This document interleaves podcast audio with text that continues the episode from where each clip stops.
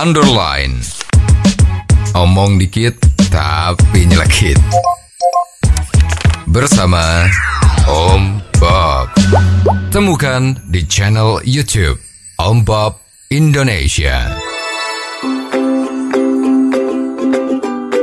Om Bob, belum lama ini ramai diperbincangkan publik tentang kasus bentrokan yang terjadi di smelter nikel Morowali, Sulawesi Tengah. Bagaimana Om Bob menggarisbawahi masalah ini?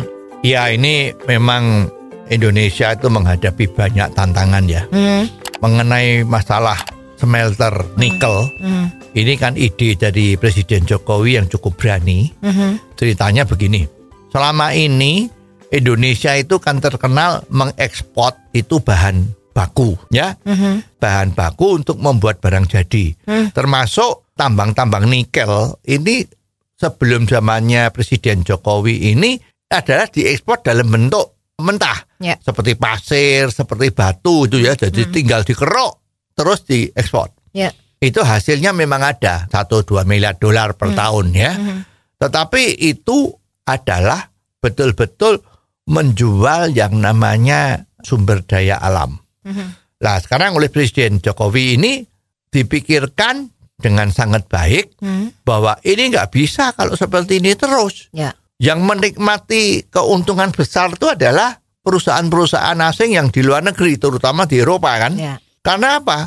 Tambang nikel yang berbentuk batu atau pasir itu di sana, di Eropa sana diolah Hmm. menjadi bahan nikel, ya, bentuk jadi logam nikel. hmm, Nah itu harganya itu perbandingannya bisa satu banding 100 kali lipat. hmm, Jadi nilai tambah yang didapat itu yang menikmati adalah Eropa. Ya. Indonesia cuman tenaga kasar saja ngerui. Hmm. Seperti kalau kita lihat banyak orang ngeruk pasir di kali-kali yang Ya. kering itu kan yang dijual pasirnya Ya. ya kan.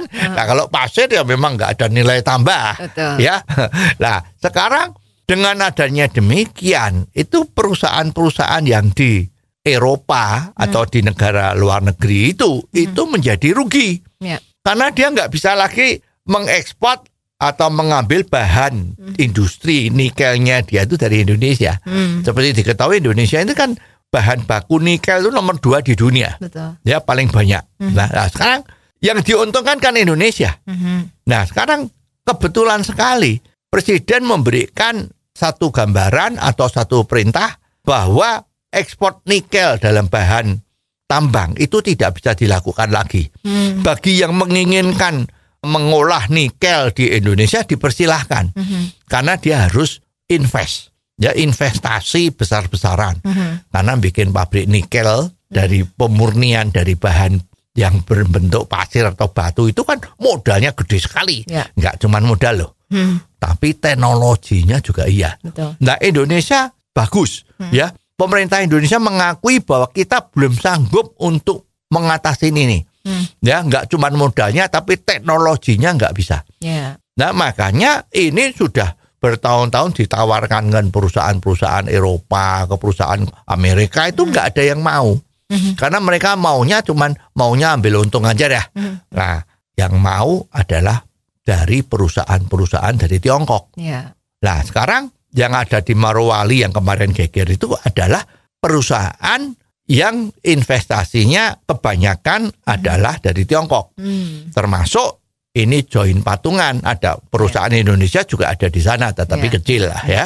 Jadi ini luar biasa sekali dalam satu tahun income Indonesia yang dulu cuma satu miliar US dollar dengan adanya proyek ini income Indonesia itu menjadi puluhan miliar dolar. Hmm, jadi rupiah tuh sekarang menjadi kuat salah satunya juga karena industri-industri ini udah mulai jalan. hmm, Nah, sedangkan sekarang yang di perusahaan yang kemarin itu ribut itu juga sedang dibangun line-line berikutnya. Ya. Jadi bukan cuma satu line, tapi ada dua atau tiga sekarang juga lagi dibangun agar supaya produksi dari nikel itu bisa makin banyak. betul, Lah, sekarang rupa-rupanya ini banyak orang yang nggak seneng, kan pasti kan?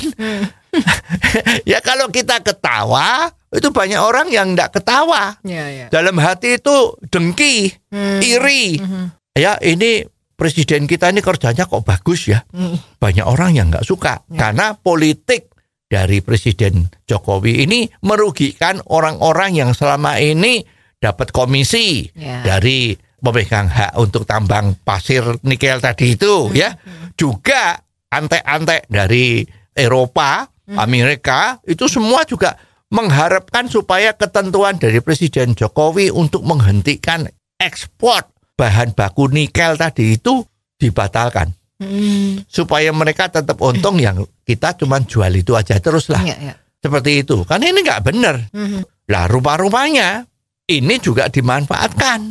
Terjadi kasus-kasus. Demo biasa. Hmm. yang demo menuntut A menuntut B menuntut C. Ya. kalau ada karyawan-karyawan yang tidak mau ikut demo dipaksa untuk demo. Lah karena paksa memaksa demo bagi orang yang tidak ikut demo tadi itu menjadi konflik berkepanjangan sehingga sama-sama emosi terjadilah adu fisik Ya. yang mengakibatkan beberapa orang meninggal baik yang tenaga asing maupun dari tenaga lokal Ya. ada yang meninggal Hmm. nah ini rupanya digoreng Hmm. bagi orang-orang yang oposisi tidak suka dengan Presiden Jokowi menggoreng kasus ini jadi seolah-olah kasus ini menjadi kasus yang nggak benar mestinya adanya smelter di Indonesia itu tidak betul lah ini mencoba mempengaruhi publik tujuannya pasti supaya kelihatan bahwa Presiden Jokowi dan pemerintahnya dan timnya itu tidak memperjuangkan Indonesia.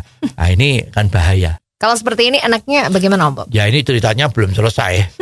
ya, cuma karena waktunya aja ini sementara sampai itu dulu lah. Jadi kasus ini Ya. di belakangnya itu ada yang main. Aha. Ya nanti yang main bagaimana? Hmm. Tunggu saatnya pasti akan kebongkar. Ya, Ya, ya. kita berdoa agar kasus ini segera bisa selesaikan dan kita salut pemerintah Indonesia yang telah mengambil tindakan tegas bahwa yang salah itu harus diadili agar supaya kasus ini jangan terulang.